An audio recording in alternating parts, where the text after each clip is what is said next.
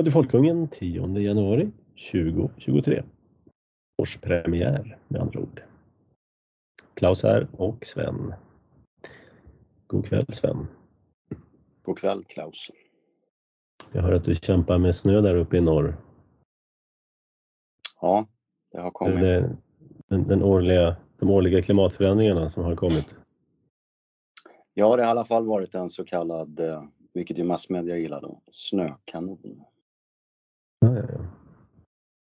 Om det. är, det, det är faktiskt ett meteorologiskt begrepp. Ja, visst. Det har ju att göra med, eh, ja precis, när den kalla, de kalla ryssvindarna blåser över öppet hav. Precis. När havet inte ännu är fruset så kan luften fånga upp fukt och sen när det kommer upp över land så dumpar det allt. Mm. Och det har det onekligen gjort. Det är ett som är säkert mycket har ni fått? Ja. Uh, om jag säger så här, om, om, man, om man går ut och mäter varje dygn, hur mycket kom det nu? Ja, så blir den summan större än om du mäter på ett ställe där snön har fått lägga orörd och det är för att den sjunker ihop och, under sin egen tyngd. Men eh, det har kommit tre dygn i sträck, ja, någonstans 20 till 30 centimeter. Och, Ja, eh, det blir en del. Ja, det blir, det blir väldigt mycket.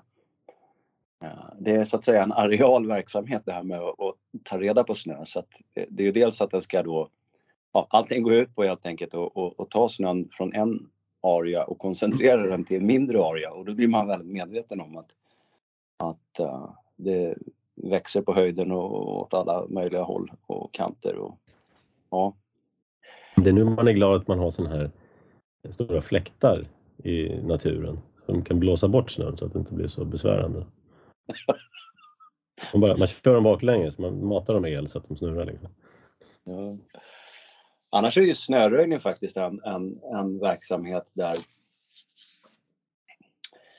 där både stat, kommun och det privata möts på något sätt i sina ansträngningar. Eh, Landsvägen nedanför oss den är Vägverkets ansvar så att där är det staten som ser till att det blir plogat. Och eh, åker man ner på byn då är vägarna kommunala och sen så har ju alla alla hushållen då sina egna, sin egen huvudvärk då. Vissa har bara farstukvisten i princip och andra har som jag och min granne då ja, ett antal hundra meter väg och, och sen våra ja, gårdsplaner och så vidare. Ja, men alla måste liksom röja. Och då kan man också Mm. studera hur det här fungerar då. Jag, jag tycker att det är väldigt intressant att eh, Vad funkar det bäst? Ja, alltså det, man, man säger så här. Den privata sidan, den löser ju uppgiften utan centralplanering. Och, och det är lite det som är... ja, Det måste inte finnas en centralplanerande enhet som ser till att det finns de här kedjorna då när det gäller ja, att det finns eh, eh, privata utförare med hjullastare som kan som jag kan vars tjänster jag kan anlita då.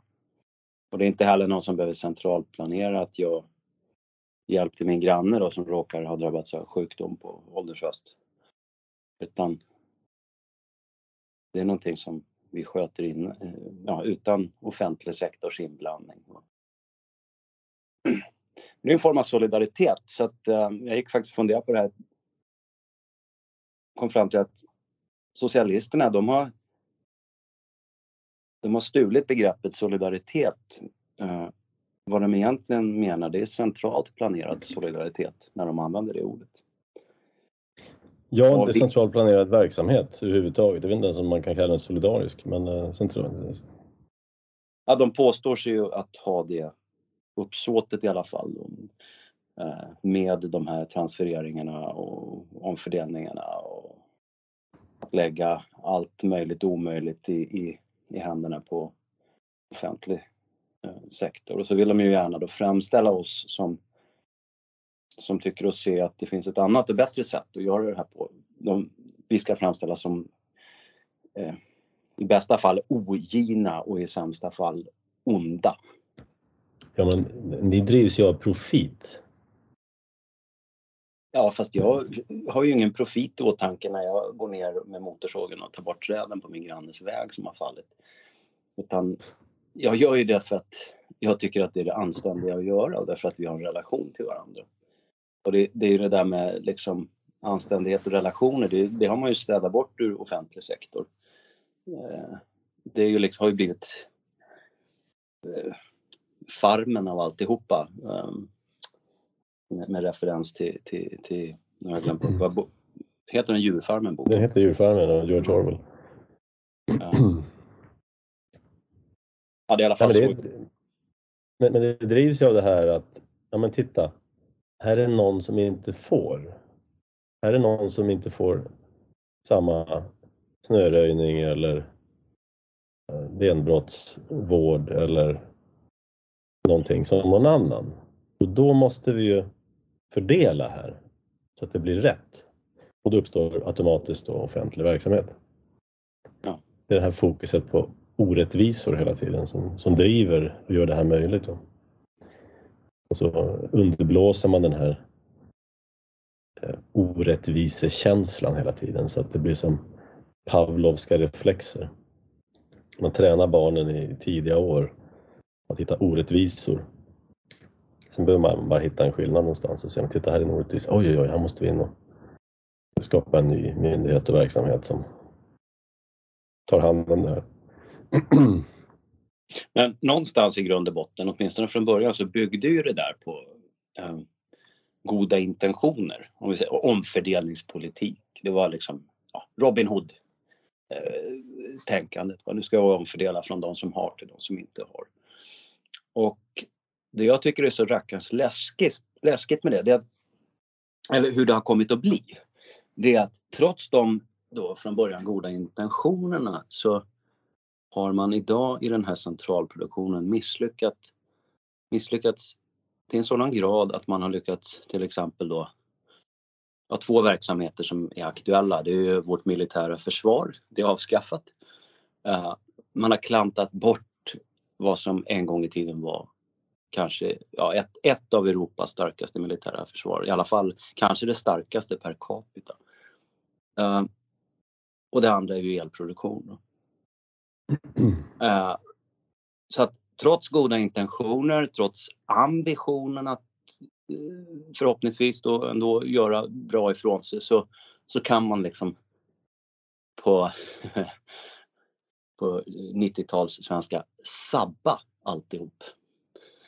Eh, och det, det, det, är läskigt. För att det betyder att ja, vi kan gå från att vara ett välordnat samhälle till att bli Venezuela. Det är fullt möjligt. Det kan bli så. Ja, men det är det här uttrycket. Eh, vägen till helvetet är kantad av goda avsikter. Ja. Det spelar egentligen ingen roll vilka avsikter du hade eh, när du gjorde vad det nu var du gjorde. Eh, liksom, man, måste att du menade väl, det, det, är tröst, det värmer ingen som inte har råd att värma sitt hus längre. Utan man måste kunna förutspå saker och ting.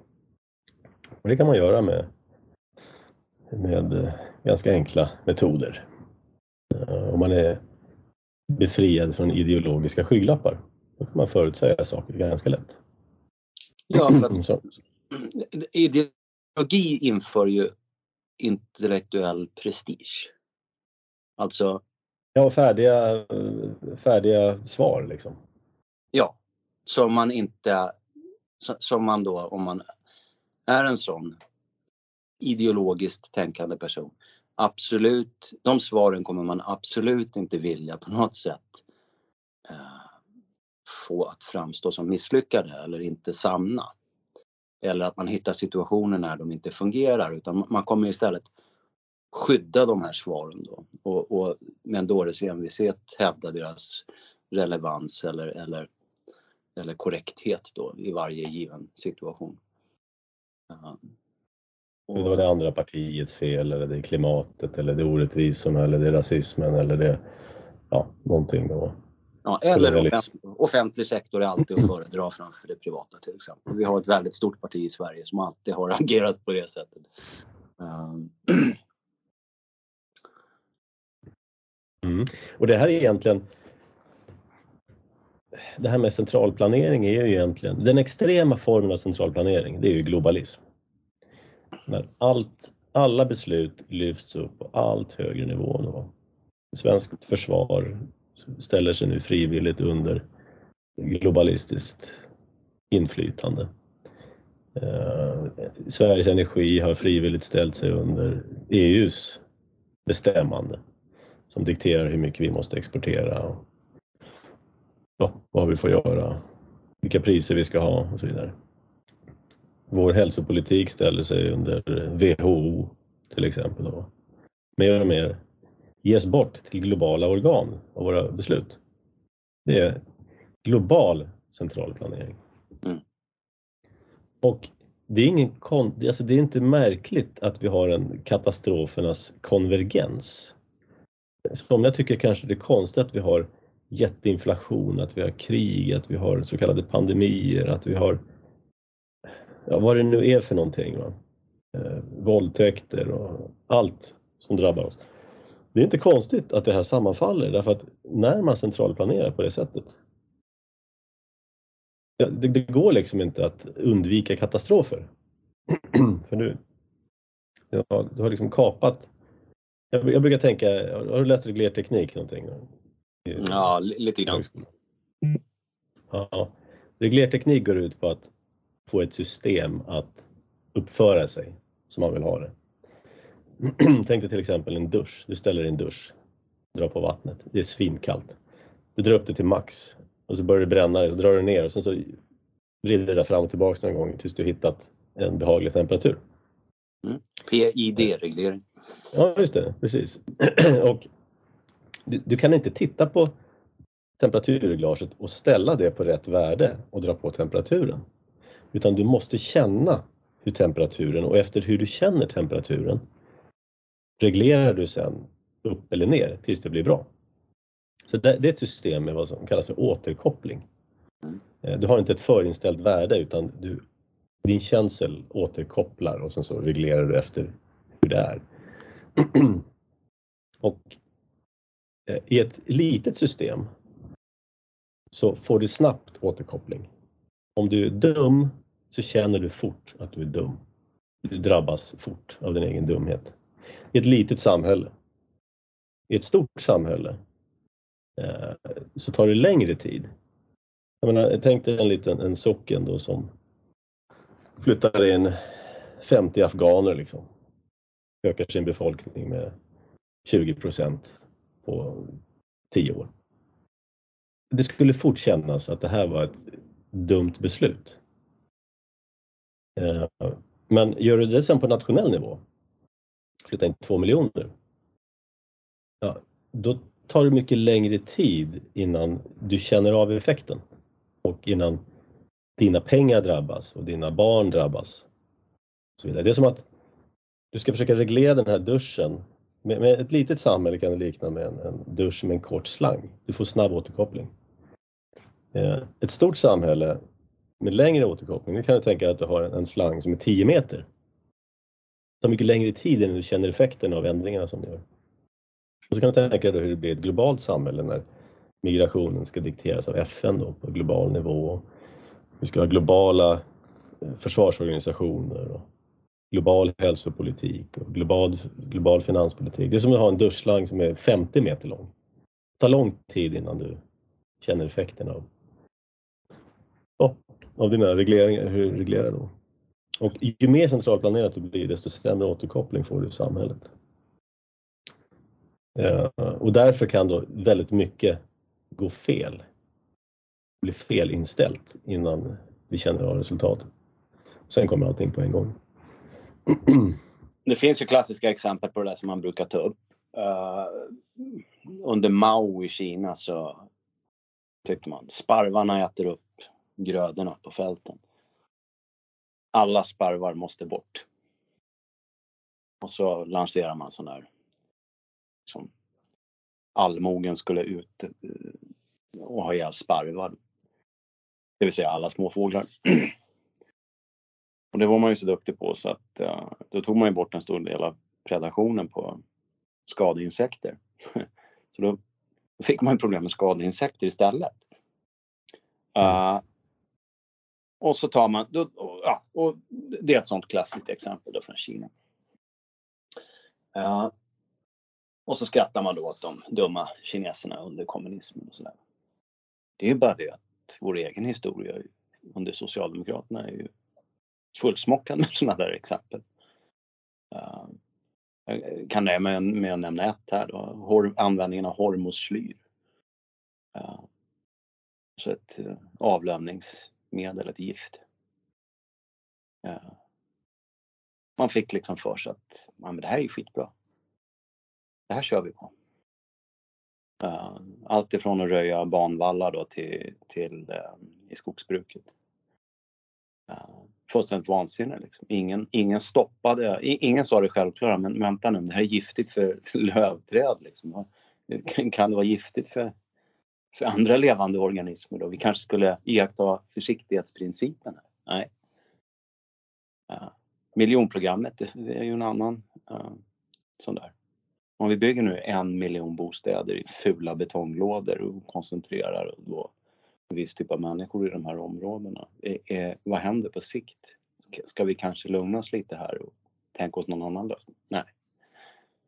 Så att skratta åt, för den delen, eh, det ryska postsovjetiska samhället eller, eller Kina genom åren och så vidare. Det är ju, visst, det kan man göra, men man, då ska man vara noga med att vara ärlig med att vårt eget land är fullt med sådana här dumheter också.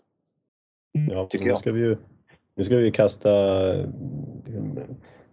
100 års alliansfrihet över ända och vi ska skicka svenska ungdomar först mot ryssen när han, att, när han går in i Baltikum.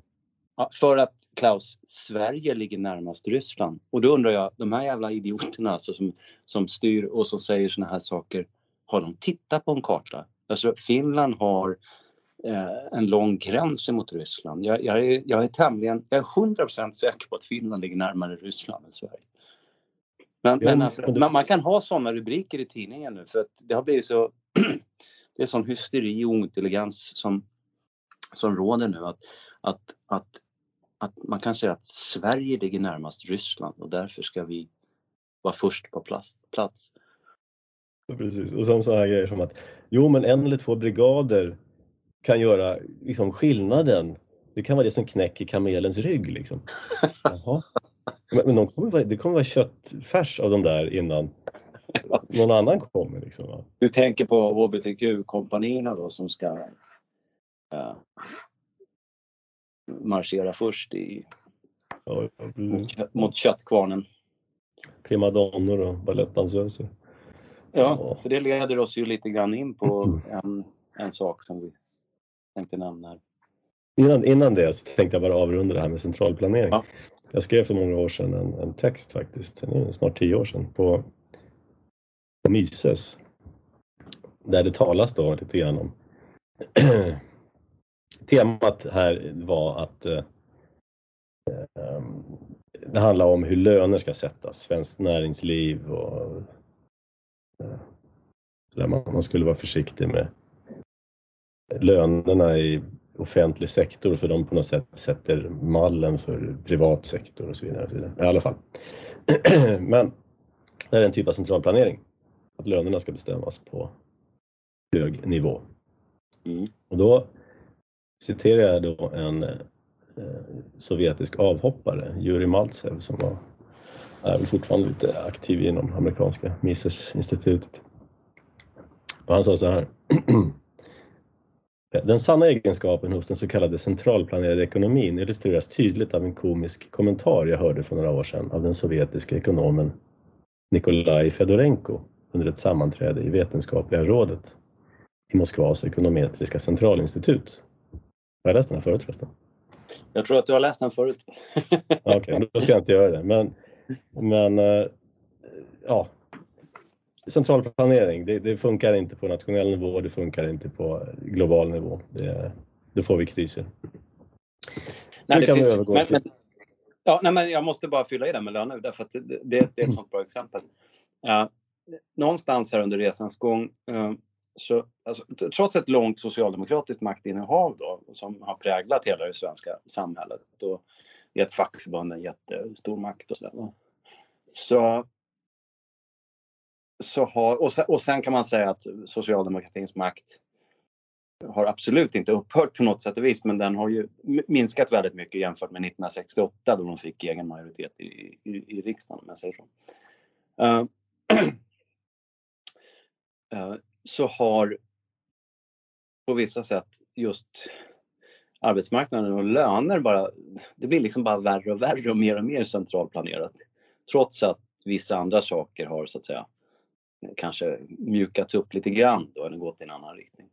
Och en sån sak är ju att det är inte det är liksom inte längre tillgång och efterfrågan som ska sätta lönens storlek. Ja, utan det är utbildningen.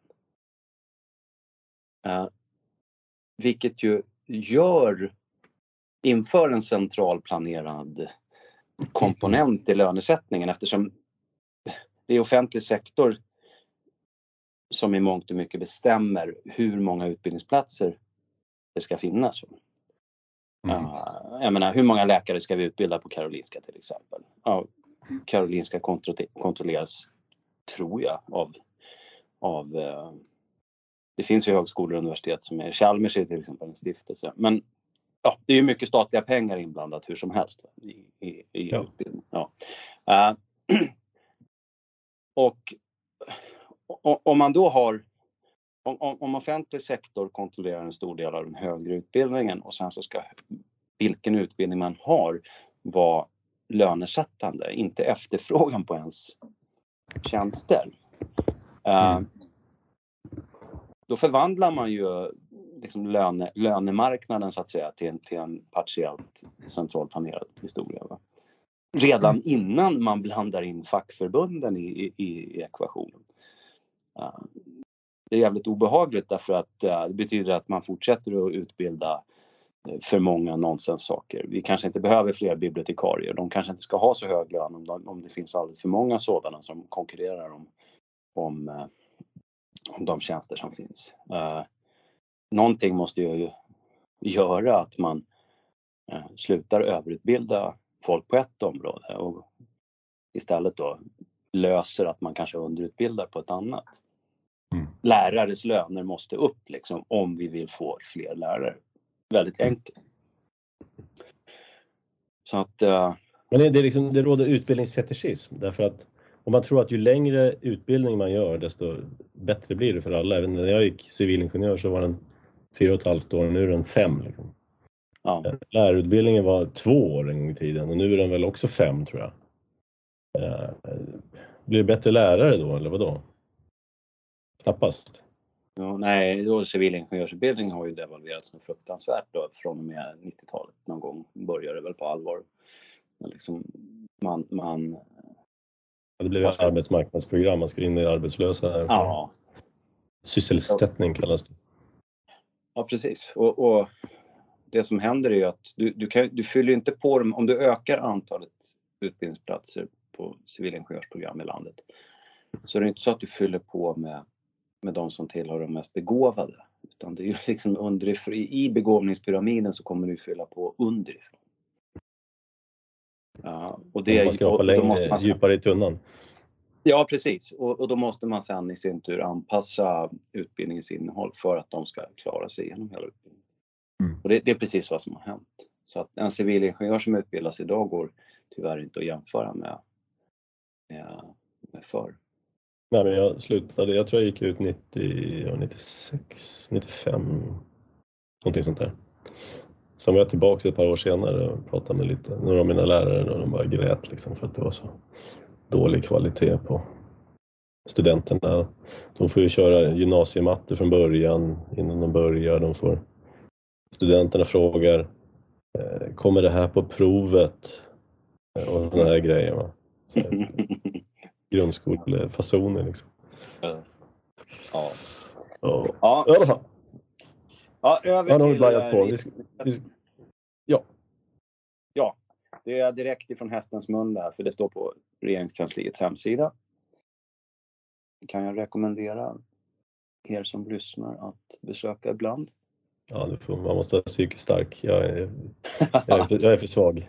Ja, men många tar ju liksom omvägen via, via, mainstream media och det är ju liksom det värsta man kan göra. Så att, Ja, ja, ja.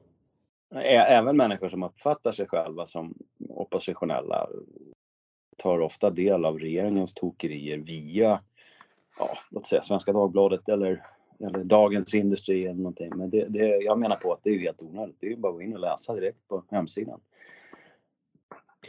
Ja, Ja, men då står det i alla fall precis. så här. Och de, de, de krystar ju då ur sig eh, ja, allt ifrån ett halvt dussin till två dussin nyheter per dygn. Eller ja, uppdateringar eller vad vi ska kalla.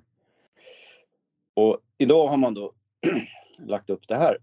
Forum för levande historia utses till HBTQI strategisk myndighet. Ja, och äh, då, då kommer det ju säkert som en nyhet för både dig och faktiskt för mig äh, och, och nog de flesta andra att det finns HBTQI strategiska myndigheter. Och det gör det alltså. Alltså, alltså, ba- bara det här ordet strateg, det får mig att rysa. Va? För det, det är så fruktansvärt urvattnat. Jag är strateg. Vadå strateg? Och det finns till och med en förteckning här då i högerkolumnen eh, Eh, med, med, med rubriken Samtliga HBTQI strategiska myndigheter. Och då får man faktiskt känslan när man ser det här framför sig på skärmen så behöver de upplysa om vilka andra HBTQI strategiska myndigheter ut, det finns. Utgår de ifrån att vi stackars undersåtar inte känner till det? Ja, de gör nog det faktiskt. Eh, men de är i alla fall följande. Diskrimineringsombudsmannen, Myndigheten för ungdoms och civilsamhällesfrågor, oftast förkortat fa- min favorit, MUCF. Eh, Socialstyrelsen, Folkhälsomyndigheten. Eh, alla vet ju att homosexuella har en annan hälsa än, än, än heterosexuella. Ja. Eh, Statens kulturråd, Statens skolverk, Migrationsverket, Jämställdhetsmyndigheten, Polismyndigheten, Barnombudsmannen och den här är ju, känner säkert alla till. Myndigheten för familjerätt och föräldraskapsstöd. ja, det är helt otroligt. Ja, det är så efterblivet hela grejen. Ja, ja visst. Men alltså, allvarligt talat, hur svårt är det att vara sodomist i Sverige idag? Inte alls. Hur mycket stödinsatser behövs? Ja, och, alltså, jag vill ju faktiskt, jag, jag vill faktiskt passa på att säga det. Jag, jag är helt övertygad om att det finns massor med homosexuella människor, både män och kvinnor, som tycker att allt det här är bara ett gudförbannat larv.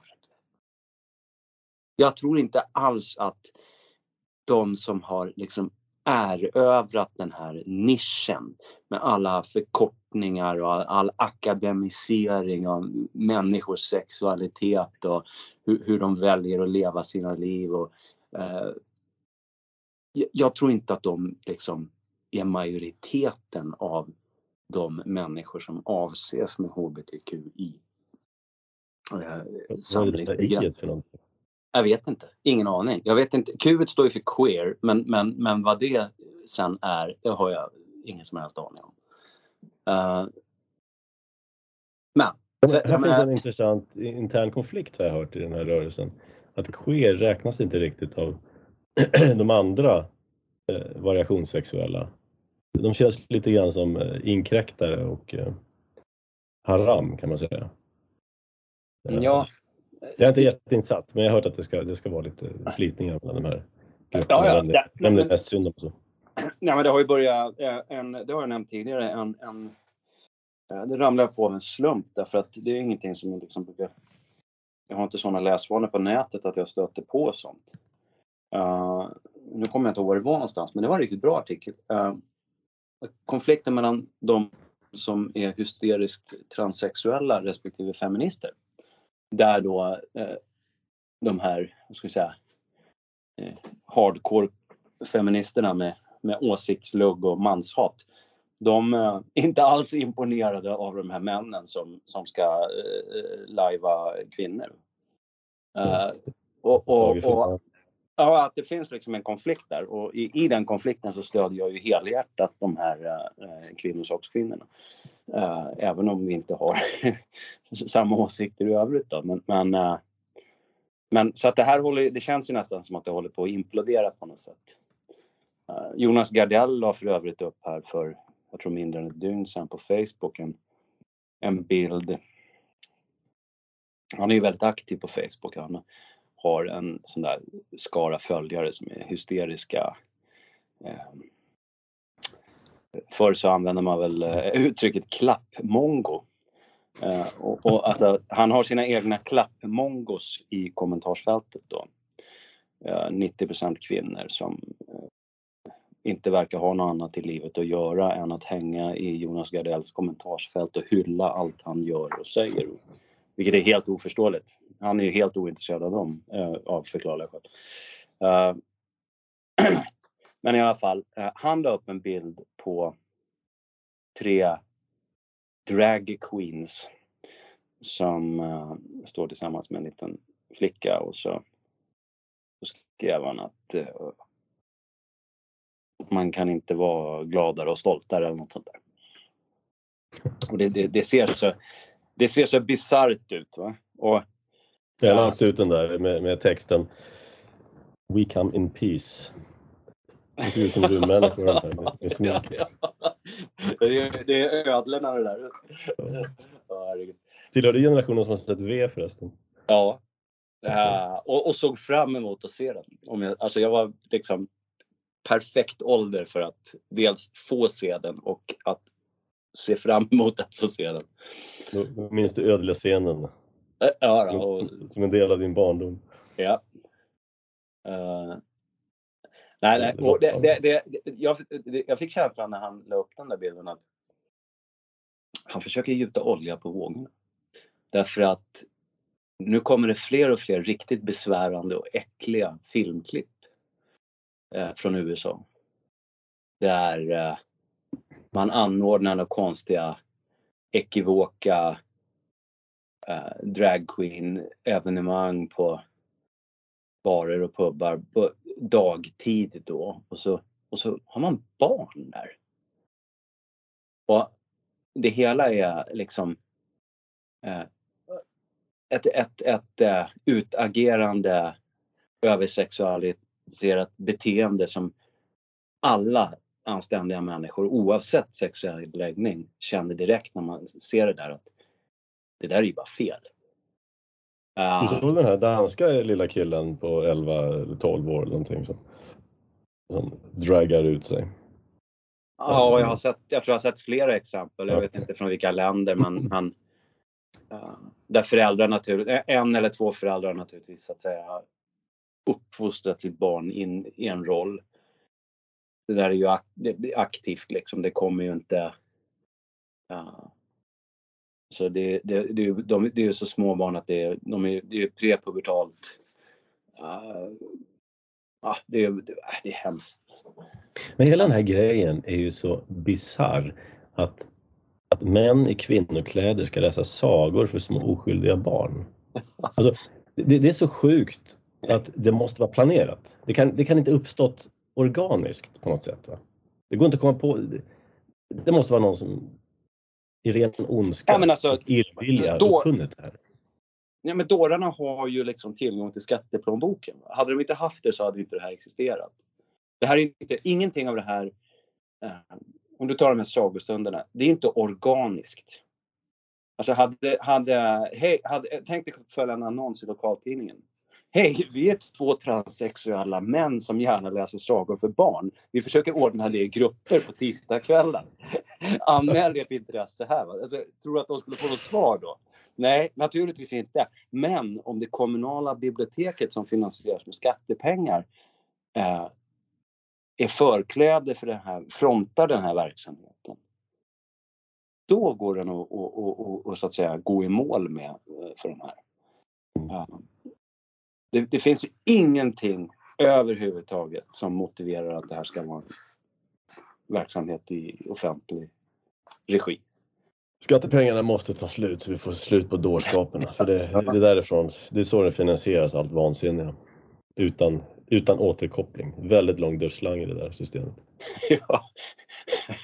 Men jag, jag tänkte på det här om dagen också, hela den här Rysslands-Ukraina-grejen. Det är ett hbtq-krig på något sätt.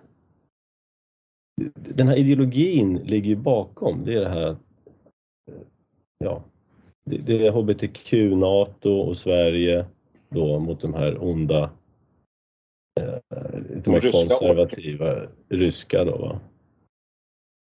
Um, men, men han eh, Dugin, eh, nu har jag glömt bort namnet på honom, men eh, filosofen där vars dotter eh, blev mördad i, ja, istället för han. Eh, han figurerade i en intervju. Frågan är vad det var, undrar om det var i turkisk TV eller något sånt där. Det har ingen betydelse. Han intervjuades i alla fall i TV. Uh, en längre så att säga uh, intervju, pratprogram.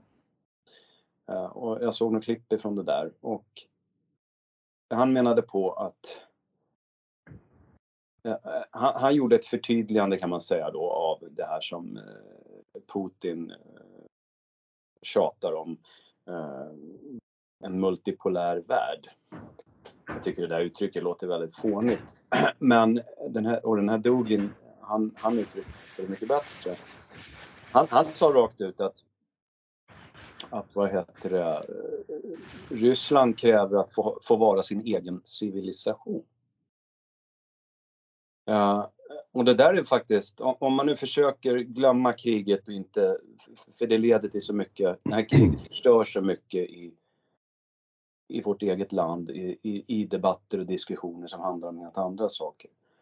Det nästlar sig in överallt, precis som den där förbannade coronan gjorde.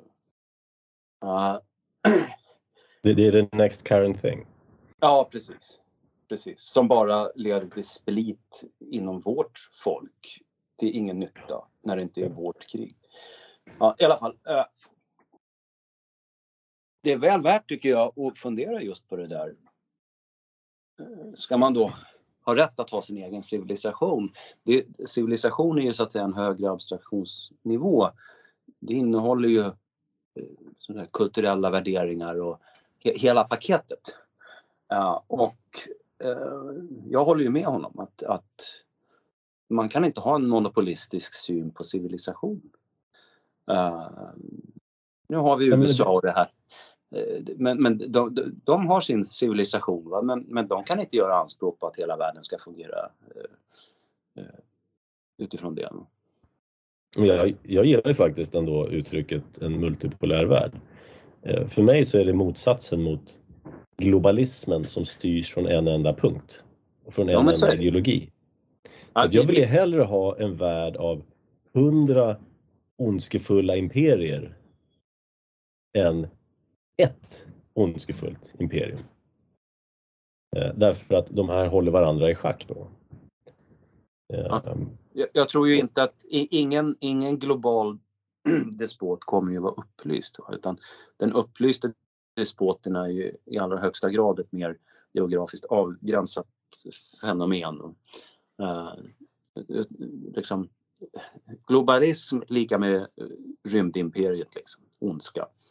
Uh, mm. och, och, och, och, en mer mångfacetterad värld är motståndskraftig, den är föränderlig i en positiv bemärkelse. Och, och, och den, är också, det är också en form av civilisatorisk konkurrens. Ja. Eh, man kan säga, okej okay, det där funkade där hos dem, ja men då kan vi, vi kan göra så också. Men om det bara finns ett sätt att göra saker och ting och det inte finns någonting att jämföra med, ja, då har vi, då har vi liksom centralplanering på civilisation också. Ja, det stelnar ju, det blir ju petrifierat och, och, och, och med tiden dekadent, nepotistiskt, korrumperat. Uh, allt det här finns i vårt eget samhällssystem. Det är ju bara att ja. människor inte förstår.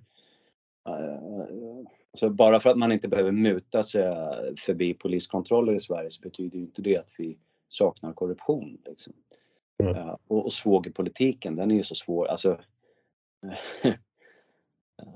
jag hade ju hellre att man kunde muta sig förbi fortkörningsböter för det, det är ju en, eh, i så fall någonting som är tillgängligt för alla. Den typ ja. av korruption vi har nu den är bara tillgänglig för eh, Precis. socialdemokrater i olika färgnyanser. Precis, det, det, finns ett, eh, ett frälse, en adel inom, inom såväl offentlig sektor som massmedia och ja, som, som sitter på liksom penningarna och som sitter på makten och som reproducerar den inom, inom sin egen släkt, sin klan, vårt eget klansamhälle då, bara det är osynligt. Mm. Uh, kan man kalla det andra saker bara. Ja. Det... En främling som tittade in, han skulle kunna kalla det för en klan han också. Det där är ju faktiskt uh, det här uh, vi pratade om ideologi och de här färdiga svaren och sådär. Tittar man på, i Sveriges fall då, socialdemokratin så från och med 1921 så hade vi allmänna val. De tog, inte makten då, men, men de blev omedelbart en politisk makt, maktfaktor. Och det var samlingsregering sen under andra världskriget och efter krigsslutet så tog de ny makten. Eh, och under 50-tal och 60-tal så var ju utvecklingen i Sverige var ju ändå bra. Alltså man, eh, den kanske hade kunnat vara bättre med annat politiskt styre, det får vi aldrig veta men det är svårt att säga att Socialdemokraterna misslyckades under 50 och 60-talen. Uh, eh, misslyckandet kom efter det. Och det betyder att då kan man dra slutsatsen under vissa omständigheter så, så kan faktiskt socialdemokrati lyckas. Men då kommer tillägget under en tid. För frågan är, är det dömt att förstöras på grund av ett, ett, ett, ett samhällsbygge som bygger på att nästan halva ekonomin sker i offentlig sektor? Är den dömd att falla sönder och bli obegåvad eh, eh, och inkapabel. Eh, eh, det kanske inte heter okapabel, jag vet inte hur man negerar.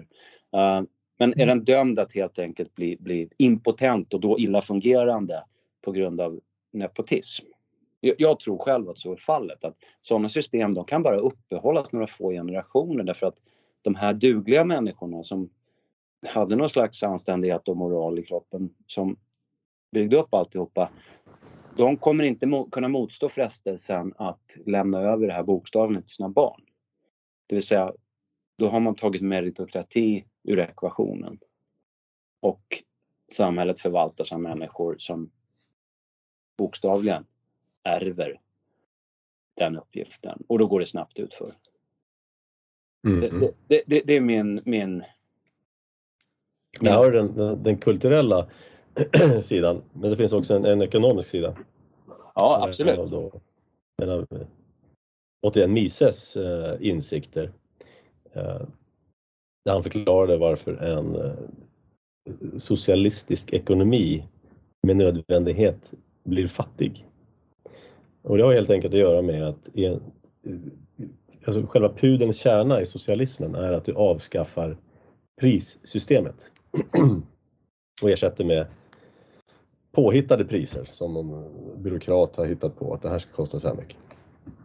Det gör att du vet aldrig om du slösar. För att du har inga riktiga priser att, att gå efter. Du vet inte om du ska bygga en, en bro i järn eller i, i silver. Därför att priset är ändå påhittat. Eh, och det gör att det blir ett otroligt slöseri i systemet. Att ja, det skapar fattigdom helt enkelt. På grund av allt det, ja, det, är ju, det där är ju duschslangen igen då kan man säga. Ja. ja. Men USA har ju alltid varit liksom en, en, ett, irritationsmoment, eh, ett irritationsmoment för Socialdemokraterna i Sverige därför att man har ju, trots att det då har funnits en, en vad ska vi säga, en, en liten svans av fattiga då i USA. Eh, och oftast på egna meriter vill jag påstå fattiga. Eh, så har ju samhället varit så enormt ekonomiskt framgångsrikt eh, under samma period då som sossarna var framgångsrika här. Ja, mm. USA har ju drabbats av problem från och med, ja det där kan du säkert bättre än jag, men, men äh, arbetare i USA har ju inte fått riktig välståndsökning på samma sätt från och med 80-talet tror jag det var, eller är det, ja, mm. något sånt där. Uh, och, uh, men, men USA är ett exempel på att man behöver inte alls ha socialism eller socialdemokrati för att, för att bygga upp ett välstånd i ett land.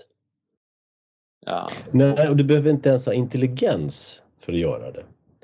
Eh, för att, men när jag växte upp så var jag i USA, du kunde, jag kunde åka till USA och besöka en familj som hade en man med ett enkelt jobb, försörjde sin familj och de hade prylar och tv-apparater och grejer och leksaker och bilar. Alltså ett helt annat välstånd än vi hade i Sverige. Mm. Ja. Och det är inte för att de var intelligentare än vad vi är här. De hade helt enkelt bara en friare ekonomi, ett friare samhälle. Så att det behövs ingen intelligens, man behöver bara ha politiker som låter bli. Vad det är nu de tänker göra. Låt bli! Ja. Ja, men jag, Rör nej, låt bli. Det är allt man behöver. Då. Ja, ja. Det är så enkelt egentligen. Men de här eh, frihetliga tankarna har ju liksom tyvärr kommit på undantag. De, man, man, eh, man blabbar på om demokrati och, och som du brukar säga, det är, det är bara ett sätt att fatta beslut, ett kollektiv, kollektiva beslut. Uh, hur, hur, liksom, en, en övergripande fråga, hur mycket ska kollektivet lägga sig i individens göranden? Den, den, uh, den borde diskuteras betydligt mer än vad den gör idag. Det känner man ja. Sen om man fattar det demokratiskt eller med lottning, det spelar liksom ingen roll. Då. Nej, men det, det envisas ju med. Jag, jag, jag använder, eh, jag använder ju Google för att ha lite egen nyhetsövervakning. Och eh, uh, något av sökorden jag har där som på automatiserad sökning då, det, det ger mig ideligen träffar ifrån olika lokaltidningar där man ältar ungas representation i politiken. Och hur hemskt det är att det inte finns fler unga människor i vårt fullmäktige här i kommunen och, och så uh, och det, det, är ju helt, det är helt barockt alltså. Man, man, det finns inget självändamål med att precis alla egenskaper då, inklusive åldersfördelning, ska vara representerade i ett kommunfullmäktige. Det är ju, det är ju helt idiotiskt. Vad, vad mm. har en, en, en 21-åring eh, som aldrig haft ett riktigt jobb eller, eller eh, kanske nyss har flyttat hemifrån eller inte har flyttat hemifrån. Vad har han eller hon att liksom bidra, bidra med för djup kunskap när, när fullmäktige fattar beslut? Det är ju inte ett dugg, ingenting har de bidra med. Ingen, ingen erfarenhet, de vet inte, de har inte levt länge nog för att se vad som händer när man fattar en viss typ av beslut. För de här beslut, de här konsekvenserna kan ta 20, 30 år. Jag, menar, jag, tänker, jag tänker på den här kärnkraftsomröstningen 1980. Ja. ja. Nu ser vi effekterna av det 40 år senare. Ja. Alltså, om man inte har levt så länge, då, då, vad, vad, har man att bidra med då? Liksom? Nej, det, det är märkligt. Nåväl, eh, vi hade en punkt till men jag tror vi spar den. Um, ja, klockan går som vanligt fort. Jag ska ta lite efterrätt här tänkte jag. Mysa lite. Uh, men uh, vi får höra snart igen. Nu kör vi nytt år, nya föresatser. Och uh, får ha det gott med snön där uppe så länge. Så hörs vi snart igen. Det gör vi Claes. Tack för ikväll.